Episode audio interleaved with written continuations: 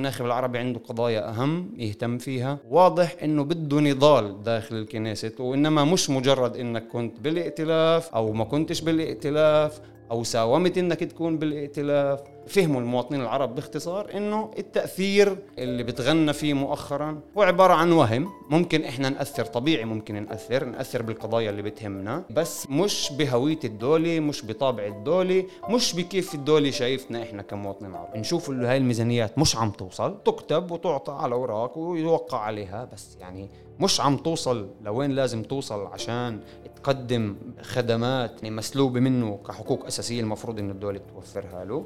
فمبدئيا التجمع كمان قدر ينجح في استنهاض ناس اللي كانوا يأسانين من هذا الخطاب اللي كان دارج على الساحة عند الأحزاب العربية خلال السنوات الماضية من سقطة التوصية لليوم ورجعوا الناس يحكوا سياسي بقول لك إحنا بدنا شخصية يعني تمثلنا كخطاب سياسي.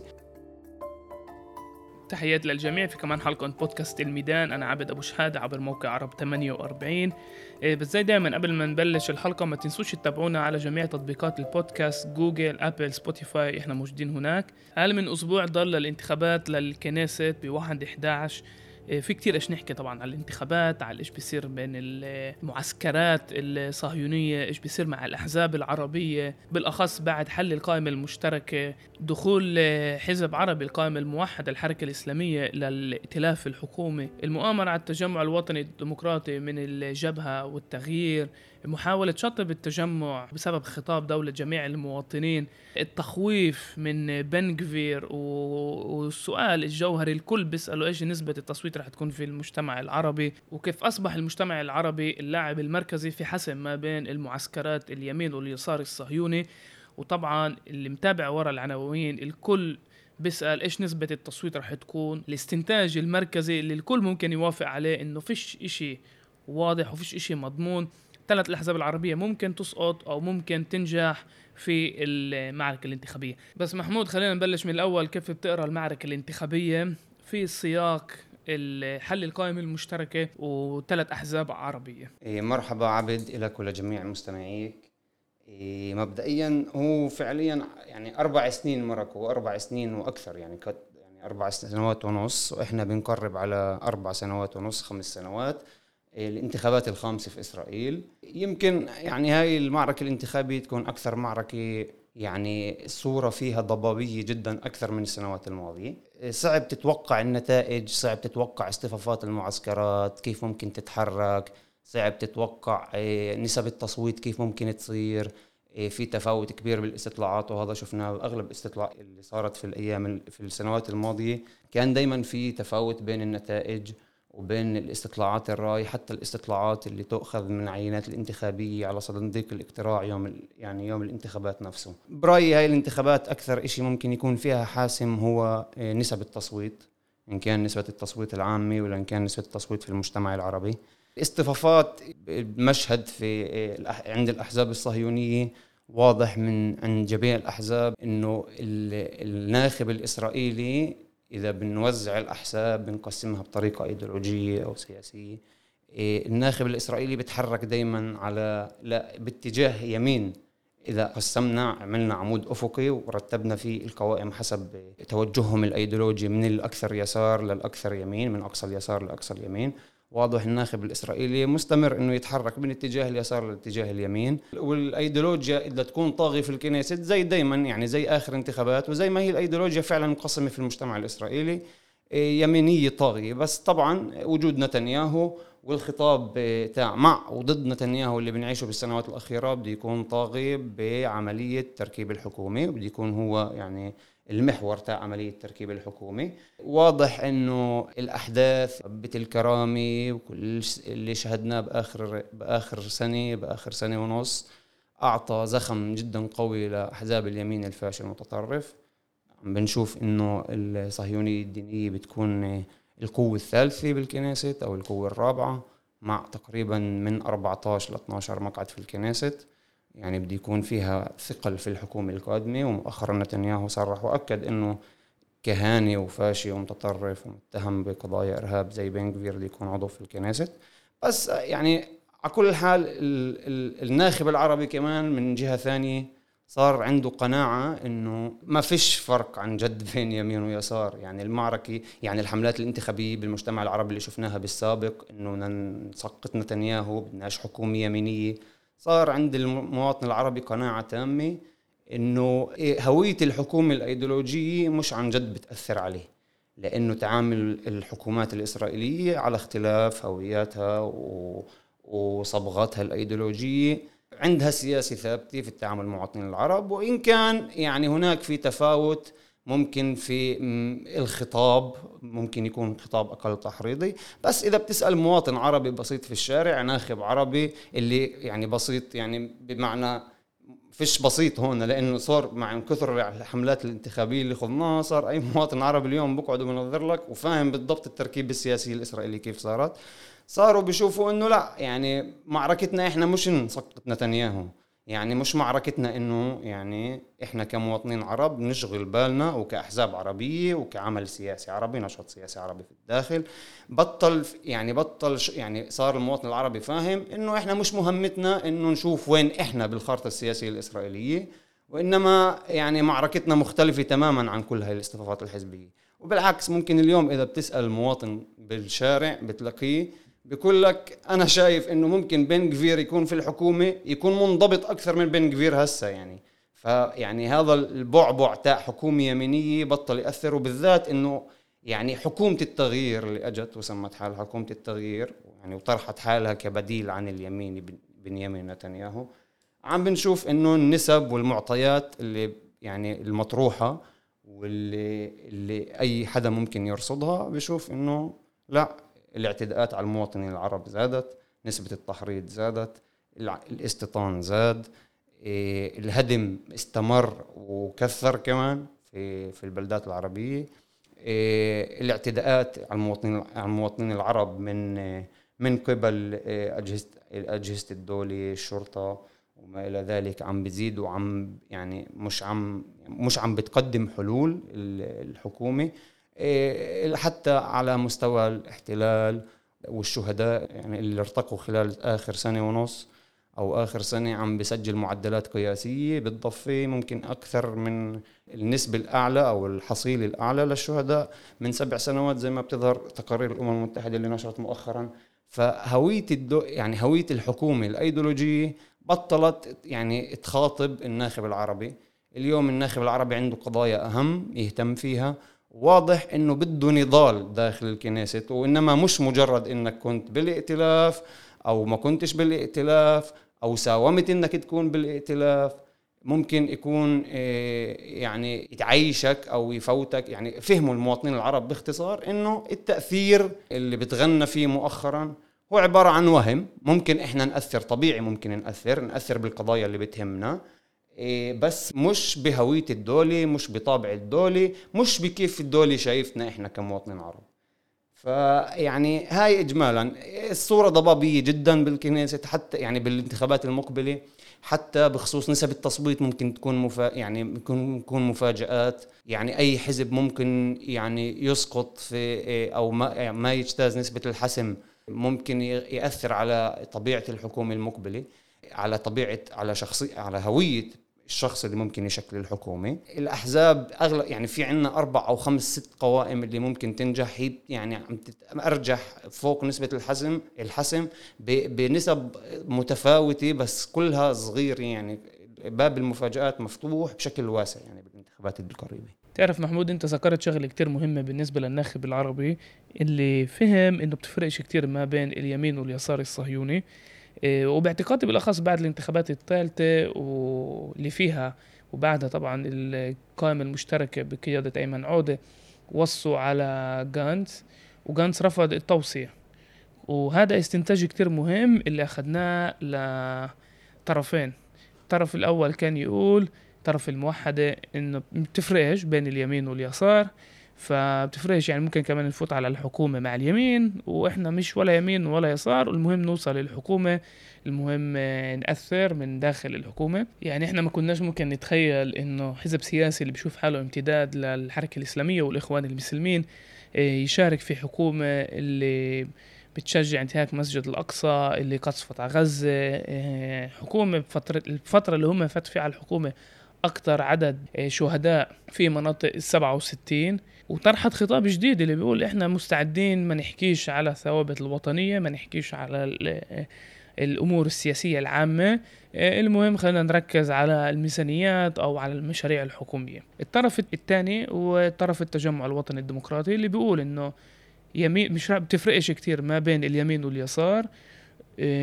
وخطابنا لازم يكون بنفس النفس لليمين ولليسار حفاظ على كرامتنا حفاظ على الثوابت الوطنية على المبادئ على النفس الوطني. وكل هذا صار بسياق هبة الكرامة يعني خلال هبة الكرامة إحنا شفنا وين الموحدة لأي اتجاه إيه، راحت. وشفنا كمان التجمع الوطني الديمقراطي بالأخص في المعركة الانتخابية الأخيرة. النفس اللي بيحكي فيها إنه أكيد بدناش مش بس بدناش نفوت أي حكومة كمان بدناش نوصي وإحنا مش جزء من هاي لعبة المعسكرات بس كمان إذا بتطلع على الأرقام يعني أحسن أحسن نسب للتصويت في المجتمع العربي بيحكوا على 52 53% هل ممكن كمان جاب المجتمع العربي لاستياء كامل من المعركة الانتخابية؟ أول شيء نسبة نسب التصويت من ال 2019 يعني يعني نسب التصويت في آخر أربع سنوات عم بتأكد إنه في استياء. يعني ما ما في مجال إنه إحنا يعني يعني نغمي على الموضوع ونعمل حالنا مش شايفين يعني. يعني نسب التصويت في المجتمع العربي عمليا بال 2019 في انتخابات نيسان إبريل كانت 49% بعدين صعدت ل 60% بعدين 65% وهلأ بالانتخابات الأخيرة كانت 45% وعمليا نسب التصويت تعكس استياء الناخب العربي من الأحزاب العربية الموجودة. وقديش خطاب التوصية والمشاركة يعني وتجاوز التوصية تجاوز التوصية اللي هي كان زي تابو أخلاقي وطني تابو أخلاقي وطني موجود إنه إحنا يعني بعاد عن لعبة الحكومات وعن لعبة التوصيات تم كسرها في البداية بالتوصية وتم تجاوزها والذهاب إلى أبعد مدى بالاشتراك في الائتلاف الحكومي. إيه اليوم إذا بتعمل استطلاع رأي وفي استطلاعات رأي طبعا ورت هذا الموضوع يعني أظهرته بشكل مباشر إنه الناخب العربي أكثر شيء بحركه هو البرنامج السياسي والخطاب السياسي. إذا إحنا يعني بدنا يعني نغمي على الموضوع نعمل حالنا مش شايفينه ونقول إنه لا المواطن العربي مبدئيا بده آه، ميزانيات وبده طبعا المواطن العربي بده ميزانيات ومن حقه يكون عنده ميزانيات. بس في البداية المحرك الأساسي للعرب في آه، مناطق ال 48 إنه يروح على صندوق الاقتراع كانت دائما دوافع سياسية واللي كان يمنعه كمان إنه يروح على صناديق الاقتراع ويشارك في الانتخابات كان كمان كيف بشوف إنه الدولة بتتعامل معاه. يعني كل ما يصير في قمع أمني أكثر كل ما الشعور بالخيبة والشعور بإنه لا أنا بديش أشارك كل ما كان يزيد. فمبدئيا إيه، خطاب التوصية ودانا لمحل إنه هسا المواطن العربي بقول لك إنه أنا بدي تكون مؤثر في عملك البرلماني. بس بديش تعيشني بوهم التأثير إني أنا بقدر أغير من تعاطي الدولة معي كمواطن عربي. وإنك تكون مؤثر بعملك البرلماني هذا إيه، الشغل البرلماني دائما في مجال وهامش للتأثير بانك إيه، تحصل حقوق اللي هي حقوق مبدئيا عم بنسميها حقوق يعني. إنك تحصل حقوق واللي ممكن نعتبرها عملية تحصيل الحقوق نقدر نعتبرها مكاسب بس بدون ما أنت تفوت بوحل السياسة الإسرائيلية وإنك كمان في عنصر أخلاقي هون في عنصر أخلاقي اليوم المواطن العربي بتطلع عليه. يعني أنا كحزب عربي حتى مرجعيتي إسلامية المفروض عم بصادق على آه، آه، الميزانية الأمنية لدولة إسرائيل. اللي هاي الميزانية الأمنية لدولة إسرائيل راح تستخدم للقمع وللبطش ولا آه، يعني يعني تعزيز قوة الاحتلال كمان يعني غير تعزيز قوة الاحتلال والاستيطان بالضفة وبالقدس كمان إيه عمليا الإيد هاي موجهة لعرب الداخل عند عرب الفلسطينيين. إحنا شفنا بهبة الكرم الماضي كيف تم التعامل امنيا مع العرب في الداخل وكيف اعتبارهم تهديد أمني في كل محل كيف إيه المدن التاريخية الفلسطينية اللي بيسموها المدن المختلطة كيف يعني يعني إيه صار في تهديد وجودي يعني المواطن العربي في الداخل حس بتهديد وجودي. فهاي الميزانية الأمنية اللي كان يعني يتم التفاخر في أنه تم المصادقة عليها. إيه، فعمليا إنه أنت تتورط في هاي إنت اخلاقيا بتكون مدان عند أبناء شعبك. حتى لو أنت حسيت إنه أنت بالاستطلاعات الرأي عم عم تاخذ قوة حتى لو حسيت إنه أنت بالشارع عم بتلاقي إيه، ناس اللي يعني تهلل لك وتثقف لك وكذا بس عمليا اخلاقيا عند أبناء شعبك أنت صرت مدان وأنت عم تعمل انقسام قوي عند أبناء شعبك. وأنا بتخيل المحاكمة الأخلاقية للأحزاب العربية بالكنيست في كثير أحزاب مش ماخذ بالها منها. والمساومة بأنه بوصي أو بوصيش على أساس إنك يعني هاي قصة إنه هسه عم نتبادل إنه قبل بكت الموحدة عم تتفاخر إنها إيه، بيضة القبان مصطلح بيضة القبان اللي طفى على السطح مؤخرا. وهسه القائمة الجبهة والعربية والتغيير كمان بتحاول تلعب نفس الدور. واضح إنه إيه، النهج هذا حتى بالوهم اللي بعيشه المواطن فيه إنه نجحوا في تحصيل ميزانيات كذا وكذا. إحنا في الأخير لازم نفهم إنه إنه دولة إسرائيل يعني مضطرة تحارب الفقر بالمجتمع العربي مضطرة تحسن التعليم في المجتمع العربي مضطرة تساوي كل هاي التفاصيل حتى لو إنه هي سياسيا ما عندها إرادة وما عندها رغبة وبالعكس يعني عندها إرادة ورغبة إنها تقمع المجتمع العربي إنها تحجمه إنها تحد من من من تأثيره إنها تحد من كل آه، من من سبل إنه يعني يزدهر وكذا. بس على كل حال هي بالآخر مضطرة كمان تقدم معطيات لمنظمات أوروبية ومنظمات أممية وتشارك ببرامج وكذا اللي تبين إنه في مساواة اللي في كذا. فأنت عندك حتى قدرة إنك تحصل ميزانيات وإنك تحصل إيه، إيه، إيه، حقوق مسلوبة منك. كمان مش من مقاعد الائتلاف. إذا كان عندك حنكة وعمل برلماني موحد وعمل برلماني متناغم وكان في تنسيق يعني على الصعيد على الأقل يعني تنسيق مينيمالي زي ما بنحكيها. تقسيم يعني يعني تنسيق بسيط بين يعني عمل القوائم العربية وإنه تفهم يعني لازم تكون يعني فاهمة تماما إيه، شو المواطن العربي بده. اليوم المواطن العربي عم بحكي لك إنه أنا دافعي عشان أقوم وأصوت إني أنا إيه، دافعي بالبداية سياسي ومبادئ الحزب اللي والقائمة اللي أنا بصوتها بصوت لها. يعني أحكوا كثير عن إنه الحكومة حكومة التغيير شكلت لجان وشكلت وحدة شرطية خاصة وشكلت إيه، ورصدت ميزانيات وكذا على أساس إنه تحارب الجريمة في المجتمع العربي. يعني لما نفوت نتعمق في الموضوع بنلاقي إنه الموضوع عبارة عن قشرة اللي جواها فارغ. هم ببيعونا وهم تماما ببيعونا وهم وحدة سيف اللي شكلوها لا عندها ذراع يعني يعني ذراع تنفيذيه في شبهات بتحوم حوالين قادة القادة تاعون الوحدة. الميزانيات اللي كانت مطروحة تم مناقشتها في الحكومة السابقة لما كان عمير بيرتس في في في حزب العمل. حتى القرى مسلوبة الاعتراف بالنقب اللي ظلت تعاني اللي بتعاني بشكل يومي من التهجير ومن نقص الخدمات ومن ومن ومن. الحكومة عمليا ما قدمت لهم شيء كان في وزير الداخلية اللي صادقت على مشاريع استيطانية إضافية بالنقب عمليات التشجير ما يسموا التشجير وتغريس الأشجار بمعنى يعني اللي هي عمليا تمهيد لسلب أرض تقليص آه، مساحة الأرض اللي بيعيش عليها المواطن العربي أو في النقب كمان هاي مستمرة. انت خلقت نقاش بس خلقت نقاش بصراحة يعني خلق يعني, عملية التوصية والمشاركة في الحكومة خلقت نقاش. بس إيه المشكلة إنه انت مستمر انت كأحزاب عربية مستمر بإنك بأحزاب عربية اللي, اللي مشت في هذا المسار انت مستمر في إنك تخلق وهم وهم وتعيش المواطن العربي في هذا الوهم. وعلى كل حال انت عمليا صرت أحس إنه في أحزاب عربية عم بتكذب الكذبة وبتصدقها يعني. عن جد في تأثير على قانون كامينيتس عن جد في تأثير على قضايا اللي هي القضايا الحارقة عند المجتمع العربي في ال 48 قضايا زي قضايا العنف والجريمة زي قضايا البناء والتخطيط. هسه مستطلعات الرأي بتعطي مؤخرا نسب التصويت للمجتمع العربي. استطلاعات الرأي اللي طلعت آخر 20 يوم تتراوح بين 43 و 49% وهي نسبة كارثية هي ممكن يعني نسبة كارثية ممكن تهدد تهدد يعني قوائم عربية إنها ما تتخطى لجنة.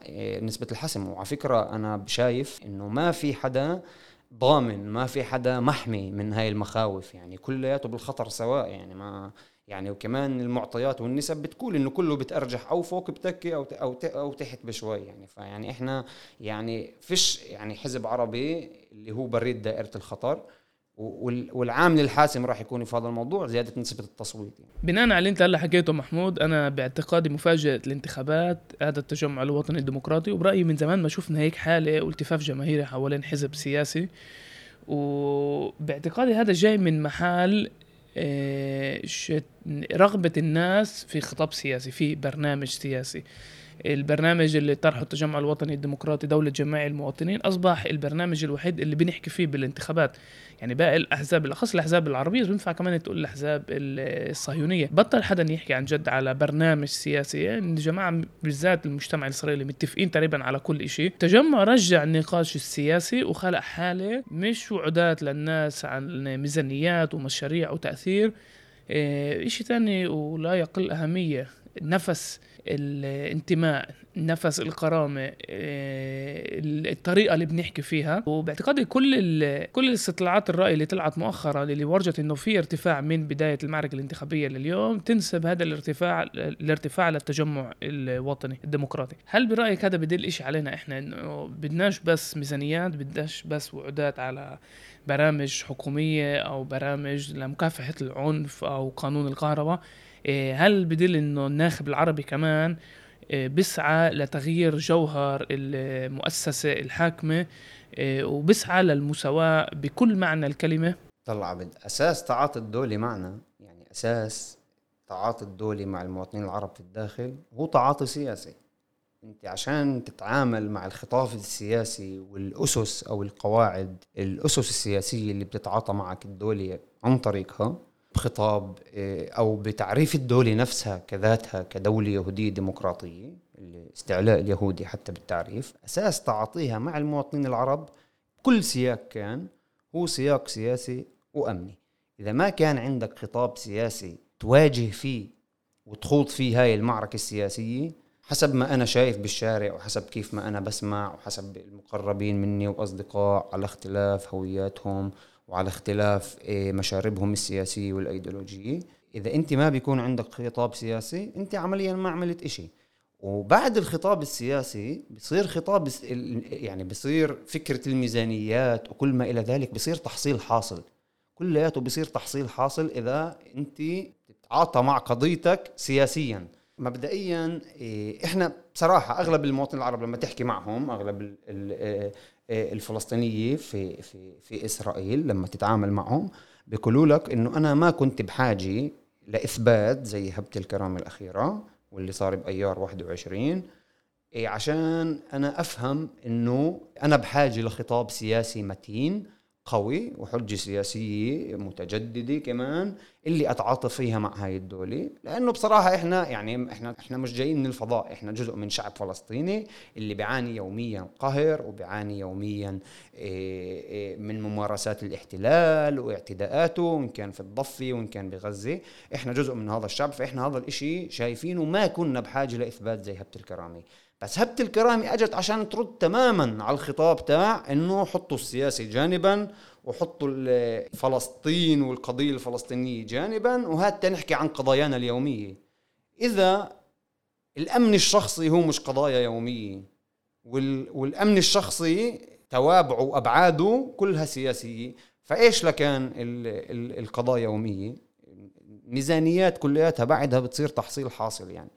فأنا شايف إنه التجمع نجح خلال ال 20 يوم الشهر الماضي من تقديم القوائم لليوم وكمان في تعرضه لنوع من من المؤامرة اللي هو كمان بيعتبرها وبحكي عنها بطريقة واضحة بسميها مؤامرة اللي تعرض لها واللي كمان صار الناخب الع... يعني صار الناخب أو المواطن العربي بلاش نحكي الناخب العربي صار عنده قناعة عنها مورست على على التجمع. وكمان الخطاب السياسي اللي وفره شخصية زي النائب سامي أبو شحادة خلال عمله البرلماني وبالذات خلال تواجده على الإعلام الإسرائيلي في هبة الكرامة خلق عند المواطنين العرب نوع من إنه يعيدوا حسابات يعيدوا حسابات يجوا ينفضوا عن حالهم وهم التغيير اللي عاشوا فيه فترة. يفهموا إنه مش معركتنا مع نتنياهو أو ضد نتنياهو مع أبو يائير أو ضد أبو يائير. يفهموا إنه معركتنا مش إيه مش إيه نحصل إيه ميزانيات بسيطة هون وهناك اللي على أرض الواقع وقت ما نوصل يعني للحقيقة ولأرض الواقع وللواقع العمل اللي إحنا عايشين فيه بنشوف إنه هاي الميزانيات مش عم توصل. الميزانيات تكتب وتعطى على أوراق ويوقع عليها بس يعني مش عم توصل لوين لازم توصل عشان تقدم خدمات اللي اللي ممكن المجتمع العربي يعني مسلوبه منه كحقوق أساسية المفروض إن الدولة توفر توفرها له. فمبدئيا التجمع كمان قدر ينجح في في, استنهاض ناس اللي كانوا يأسانين من إيه، من هذا الخطاب اللي كان دارج على الساحة عند الأحزاب العربية خلال السنوات الماضية. يعني من من من سقطة الطوسي إلى اليوم. ورجعوا الناس يحكوا سياسي بقول لك إحنا بدنا شخصية يعني تمثلنا كخطاب سياسي لأنه دولة بهويتها وب وبالنسيج الاجتماعي تاعها ميالة لليمين ويمين كل ما عباله بصير متطرف أكثر وأكثر.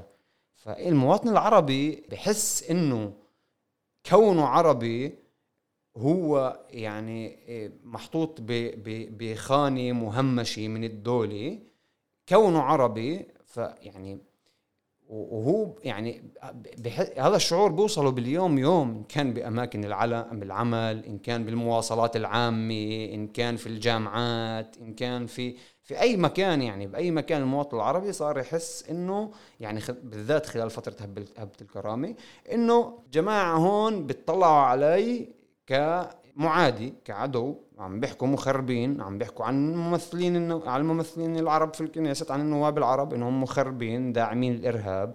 أنت كونك عربي كونك عربي مجرد إنك كنت عربي أنت مشتبه أنت تعتبر تهديد أمني التعاطي معك أمني قبل كل شيء. بدون خطاب سياسي تواجه فيه هذا الطرح السياسي تاع تاع الحكومات الإسرائيلية المتعاقبة وتاع مبدأ الصهيونية نفسه اللي قامت عليه هاي الدولة. انت يعني مش راح تروح لمحل. يعني انت يعني انت مش عم بتمثل قضايا شعبك بطريقة صادقة. انت مبدئيا عشان انت توصل لمرحلة تقرب انك تمثل قضايا شعبك بطريقة صادقة الدولة بتتعامل معك بتعاطي سياسي وبأيديولوجية سياسية واضحة.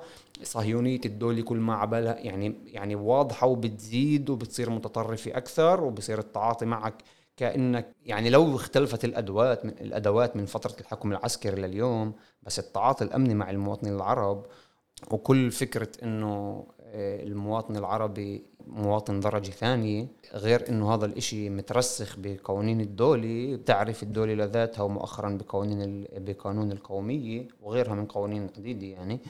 فلا المواطن العربي بده اليوم خطاب سياسي اللي يوقف بالكنيست ويجي يعمل خطاب.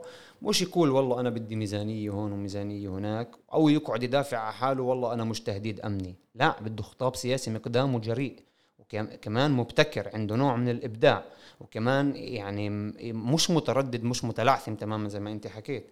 فالتجمع مثل يعني يعني عمليا يعني غدر يعني يعني زي يستنهض كثير ناس اللي كانوا بعاد عن اللعبة كانوا يأسنين على الأقل آخر في حملات انتخابية ومعارك انتخابية خضناها كانوا بعاد. بس اليوم بقول لك لا اليوم هون في طرح سياسي جدي في محاولة جدية ل إيه، ل يعني مقارعة إيه، الصهيونية بخطاب سياسي قوي يمثل العرب في الداخل. وبعدين كل ما شيء له علاقة في الميزانيات وفي في في ما إلى وبالخدمات أو أو أو بصير تحصيل حاصل. وهذا عمليا مب يعني أساس العمل البرلماني. إذا أنت بتطلع اليوم على نواب مثلا زي النائب سامي أبو شحادة بالتجمع آخر يعني رغم كل ما يسوق وكل ما كذا بس أغلب القوانين 90% من القوانين إذا مش أكثر من القوانين اللي يتم طرحها اللي يتم محاولة تمريرها المساءلات اللي بتصير. أوه أوه أوه. كلها قضايا يومية بتعني العرب بتعني المواطن العربي في الداخل.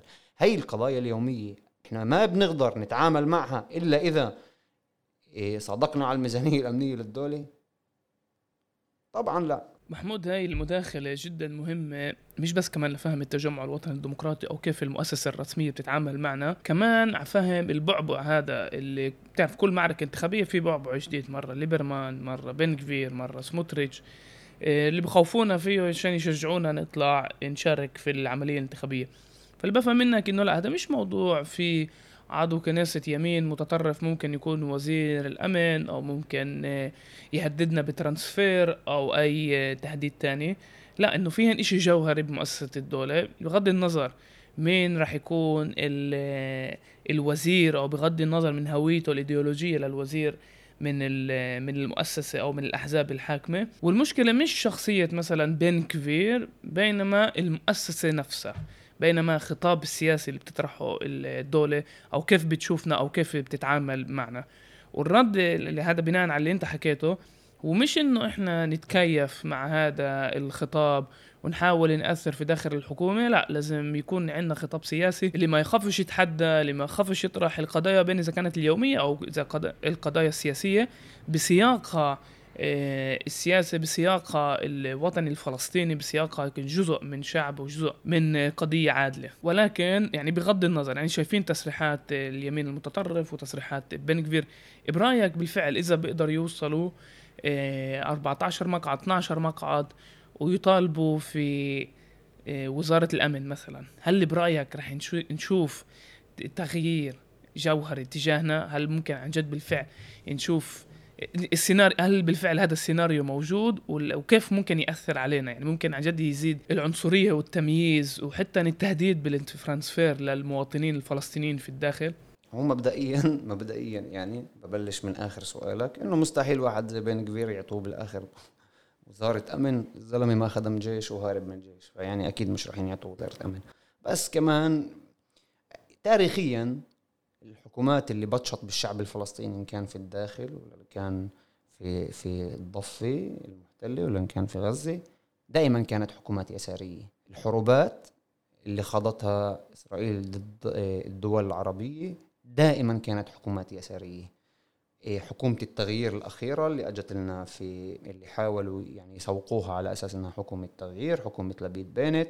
واضح النتائج. صحيح أنه إحنا يعني إيه، يعني الشعب الفلسطيني الأوضاع اللي عايش فيها وكذا المواطنين الفلسطينيين كان في القدس ولا كان في الداخل ولا كان بالضفة. كل ما القمع يزيد كل ما شعور المقاومة بيعلى طبيعي يعني يعني هاي ألف باء سياسي يعني.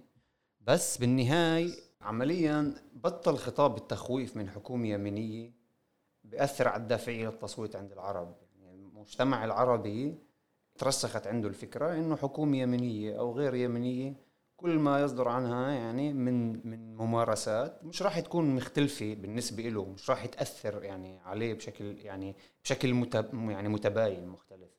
إيه واستطلاعات الرأي مؤخرا ورت إنه 75% عند العرب بيقولوا إنه ما فيش عندهم مشكلة إنه نتنياهو يطلع على الحكم. مش بس هيك هسه كمان يعني زي ما حكيت لك في البداية إنه المواطن العربي ممكن يروح بعيد ويقول لك إنه واحد يميني زي بين كفير بالحكومة ممكن يتم لجمه.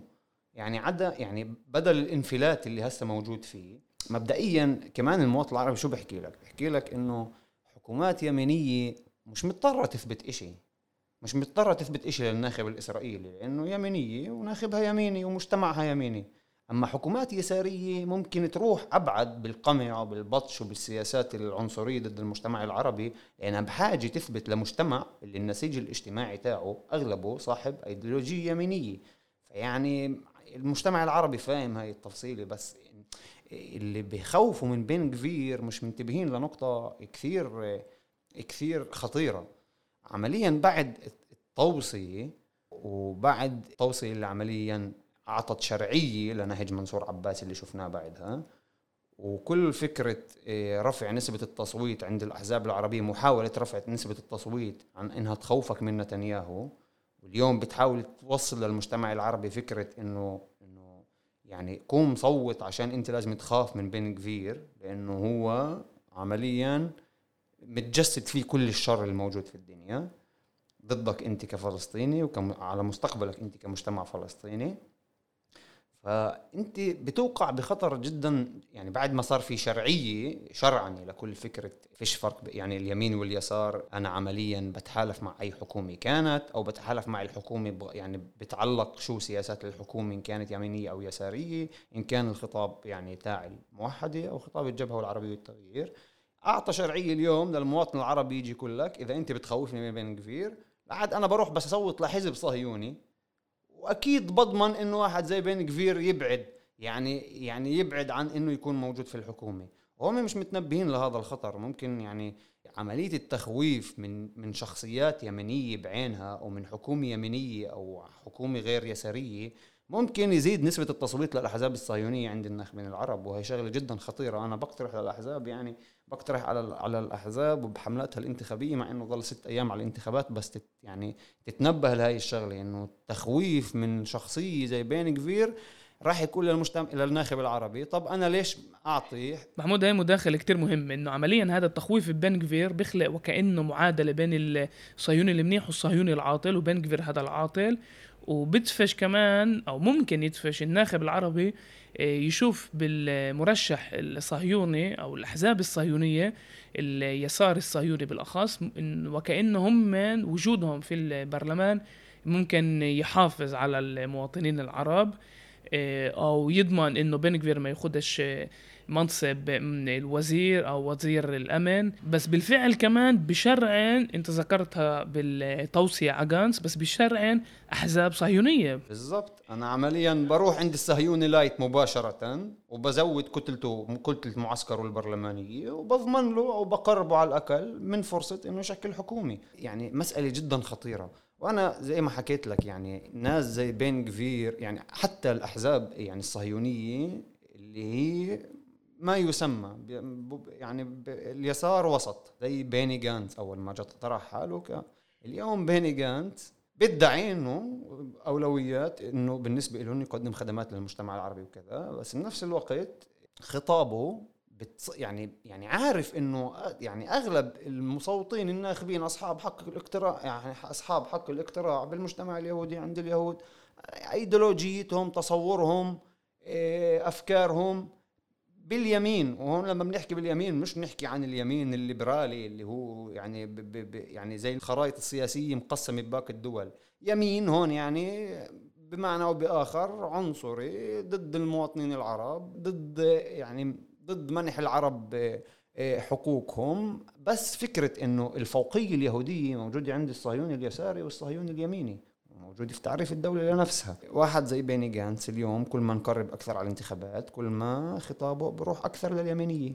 نفس الشيء واحد زي لبيد. وهم بيستغلوا كمان إيه، الأحداث اللي بتصير في القدس والأحداث اللي بتصير بالضفة بشمال الضفة تحديدا في جنين ونابلس كمان عشان يزيدوا نبرتهم اليمينية على أساس أنهم يستقطبوا ناخبين أكثر من اليمين. وهم فاهمين إنه خطاب التأثير وكذا بيجي بقول لك إذا أنت خطابك تأثير العاد أنا يعني كحزب كيش عتيد مثلا أنا بدي أقدم للمواطن العربي خدمات زي ما بتوعدهم القائمه الموحده اذا أنا بروح بعمل لقاءات مع رؤساء سلطات محلية وبعمل حلقات بيتية عند الناخبين العرب. وعملية الخوف اللي بتروج لها الأحزاب العربية من بين كفير أنا بستثمرها كحزب صهيوني. وهذا وهي نقطة جدا خطيرة يعني. محمود ده الآخر أسبوع للانتخابات. أنت شو رأيك؟ مين راح يمرق نسبة الحسم؟ مين راح يسقط؟ هون التوقعات في الانتخابات في المعركة الانتخابية زي اللي بنشهدها حاليا أقرب بالمقامرات هي لأنه جد الصورة جدا ضبابية ومش واضحة.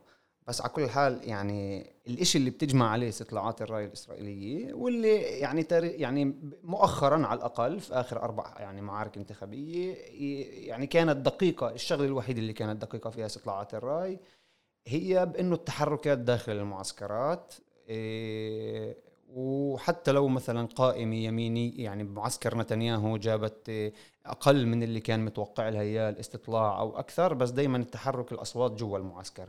فيعني وفيش معسكر وفيش استطلاع رأي مؤخرا نشر بيعطي نتنياهو أكثر من 60 مقعد. هو بتروح بين 60 و59 مقعد. وقد يعني أنا حسب رأيي قد ما يحاول يعني يحصل ال 61 راح يكون في صعوبة كبيرة بالنسبة له. إيه عشان هيك كمان مشهد تشكيل الحكومة راح يكون شوي يعني مش واضح تماما مش واضح غير مرات يعني مرات سابقة. لأنه يعني حتى عند آه، آه، أحزاب شاركت في الائتلاف الحالي اللي قام على أساس مع أو ضد نتنياهو. في ناس منه اليوم تتراجع وبتقول لك لا أنا مشكلتي مش مع نتنياهو اليوم بدي حكومة يمينية مستقرة. بغض النظر عن شخصية نتنياهو ومش شخصية نتنياهو بالأخير هو بواجه مسار قضائي وكذا. بس إيه هاي كل هذا المشهد كلياته ممكن يتغير لأنه في كثير أحزاب فعلا يعني مش واضح قديش قوتها الحقيقية في الشارع فوق نسبة الحسم. يعني أي قائمة تسقط ممكن تغير المشهد كلياته تماما. بالنسبة لنا الأحزاب العربية بالنسبة لنا كمجتمع عربي كان عرب كتمثيل عربي في الكنيست إيه واضح إنه العامل الوحيد اللي ممكن يأثر على حجم الكتلة العربية اللي ممكن تكون بالكنيست هو نسبة التصويت. نسبة التصويت راح يكون يعني دائما كان لها ثقال بس عمليا مع إيه يأس الناخبين العرب من أداء المشتركة والخطاب اللي طرحته المشتركة والشرعية اللي خلقتها المشتركة لنهج منصور عباس لاحقا يعني بالمعطيات من انتخابات 2019 اليوم عمليا تراجع جدا قوي يعني. مبدئيا أنت من من من نيسان 2019 لاذار 2021 نسبة التصويت في المجتمع العربي يعني يعني بالانتخابات الأخيرة كانت يعني أو يعني أوطى نسبة تصويت ممكن تسجيلها 4 45% عمليا نسبة تصويت من هالنوع إحنا ما شاهدناهاش من ال 96 لليوم ما شاهدنا مثل هيك نسبة تصويت منخفضة. إيه بصراحة أنا لاقي صعوبة إني إني طبعا بقدر أقول لك إنه باستطلاعات الرأي استطلاعات الرأي بتتراوح نسبة التصويت عند العرب بين 46 وفي مرات حتى يعني أعطوا أقل من يعني أعطوا 43 للمجتمع العربي ل 49% إيه نسبة الانتخابات نسبة التصويت في الانتخابات الأخيرة كانت 45% بس أنا بصراحة لاقي صعوبة بإنه هل فعلا هاي الاستطلاعات بتعبر عن الشارع لأنه أنا زي ما زي ما حكيت لك في في, في السابق الطرح السياسي اللي عم بقدمه التجمع ممكن يشكل يشكل حافز جدا قوي لرفع نسبة التصويت على الأقل من الانتخابات السابقة. إيه، نسبة كمان نسبة التصويت عند الأحزاب الصهيونية عند كمان كان فيها تفاوت آخر انتخابات والانتخابات اللي قبلها واللي قبلها. كان في قفزة مش طبيعية عند الأحزاب الصهيونية إيه، إيه، إيه، تصويت المجتمع المجتمع الناخب العربي المجتمع العربي للأحزاب الصهيونية بالفترات الأخيرة بمعنى أنه بانتخابات آذار 2020 كان نسبة التصويت للأحزاب الصهيونية تقريبا 13% بس بالانتخابات الأخيرة صار في قفزه مش طبيعيه 19.5% وممكن هذا طبعا التخويف من نتنياهو مش التخويف من نتنياهو. ودت الناخب العربي إنه يكون براغماتي أكثر. لعل بروح بصوت أنا مباشرة لحزب صهيوني لايت على على المصطلح اللي استخدمناه. بس مبدئيا يعني أنا شايف إنه في صعوبة جدا حتى عند مستطلعين الرأي إنهم يحطوا إيدهم تماما على النسب الدقيقة. إيه، زي ما حكيت لك ممكن عن جد الخطاب السياسي والبديل السياسي أو تقدرش تسميه بديل لأنه مش عن جد القائمة المشتركة كانت طارحة خطاب سياسي بالعكس هي يعني يعني فرغت العمل السياسي من معناه في البرلمان وفي في في وفي في عند يعني بالعمل السياسي عند الفلسطينيين بالداخل بشكل عام. فالخطاب السياسي اللي عم بيطرحه التجمع ممكن يحفز الناخبين ونسبة شريحة واسعة من الناخبين إنه يقوموا يصوتوا إيه كمان مرة فيش حزب عربي مش بدائرة الخطر إنه حسب استطلاعات الرأي. فيش حزب مش تحت دائرة الخطر لأنه فيش حزب عن جد عنده مساحة إيه، يعني أمان تضمن له 100% إنه يجيب أربعة بلس بطريقة بطريقة يعني بشكل قوي اللي يضمن له يكون عنده تواجد برلماني. ف إذا التج... يعني التجمع إذا قدر عن جد يحشد يعني يحشد كوادره يوم الانتخابات ويكون عنده القدرة إنه يرجع لقوته والعمل الميداني اللي كان قبل 2015 قبل تشكيل القائمة المشتركة. ممكن هذا يشكل عن جد إيه، مفاجأة في الانتخابات المقبلة. فأنا بتوقع أنه التمثيل العربي للأحزاب العربية في الكنيسة ال 25 المقبلة ممكن يتراوح بين 12 إيه، لصفر خلينا نشوف. هيك ما ضلش يجي محمود يعني من صفر ل 12 كل السيناريوهات زي ما انت حكيت كلها موجودة. المعطيات والأرقام بتأكد إنه في في قوائم عربية راح تمرق نسب الحسم يعني حسب تطلع على الأرقام بشكل بسيط أكيد في قوائم عربية راح تمرق نسبة الحسم بس على الأقل في قائمتين مهددات. زي ما قلت لك إنه يعني بإختصار شديد عشان نلخص اللي قلناه ممكن المحرك والدينامو السياسي اللي عم بيوفر التجمع عند الكوادر وعند كمان ناس يأسنين من المشتركين ممكن يشكل مفاجأة وممكن نشوف فعلا أربع قوائم عربية في الكنيست كلياته رهن رفع نسبة التصويت. فأنا بصراحة بتأمل يعني بتأمل إنه الناخب العربي يعرف إنه يعني إنه يبحث ويسعى إنه يكون عنده ممثل عم بيطرح خطاب سياسي قوي بالكنيست. إيه راح عن جد يكون يعني فارق بالنسبة له. عزيزي قبل ما ننهي إذا في عندك أي مداخلة أخيرة بتحب تمرقها للناخب العربي للفلسطينيين في الداخل قبل ما ننهي الحلقة؟ إنه المعركة السياسية عند المجتمع العربي إيه عمليا راح تكون يعني حاسمة جدا في تحديد وجهة العمل السياسي إيه العربي في في المستقبل. إيه الصراع السياسي عم بدور بين توجهين. وممكن النتائج تكون حاسمه بانه توجه يكون له الثقل في المرحلة الجاي. التوجه الأول هو توجه الاندماج في اللعبه السياسيه الإسرائيلية بغض النظر عن أي طريقة أنت بتطرحها.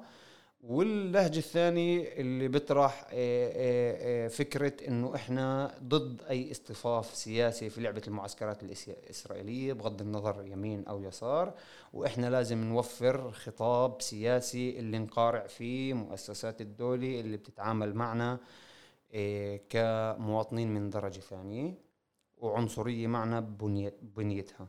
محمود مجادلة الزميل والصحفي ومحرر في موقع عرب 48 يعطيك العافية عزيزي. آه، باعتقادي بغض النظر إيش النتائج رح تكون. ثلاث أحزاب جوا حزب جوا ولا حزب بمرق نسبة الحسم. باعتقادي اجى الوقت كمان الأحزاب العربية أو بالأخص لجنة المتابعة اللي ما سمعناش صوتها كل فترة الانتخابات. نراجع حالنا نراجع العمل السياسي نراجع مسألة المشاركة في البرلمان إيش بنتوقع من النواب العرب إيش بنتوقع من الأحزاب العربية؟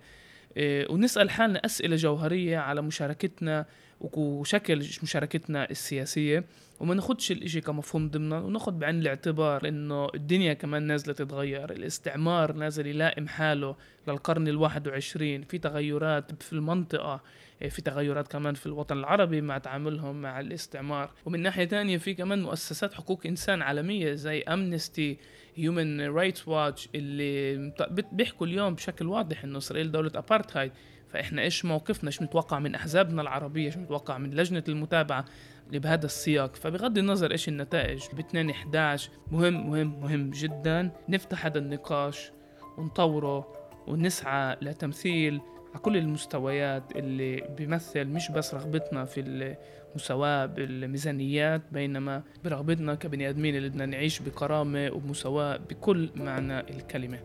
إيه، وهي كانت كمان حلقة من بودكاست الميدان. ما تنسوش تتابعونا على جميع تطبيقات البودكاست. سبوتيفاي جوجل آبل إحنا موجودين هناك. وطبعا إذا في عندكم أي ملاحظة أو أي فكرة ممكن تبعتوا رسالة على البريد الإلكتروني اللي مرفق في تعريف الحلقة.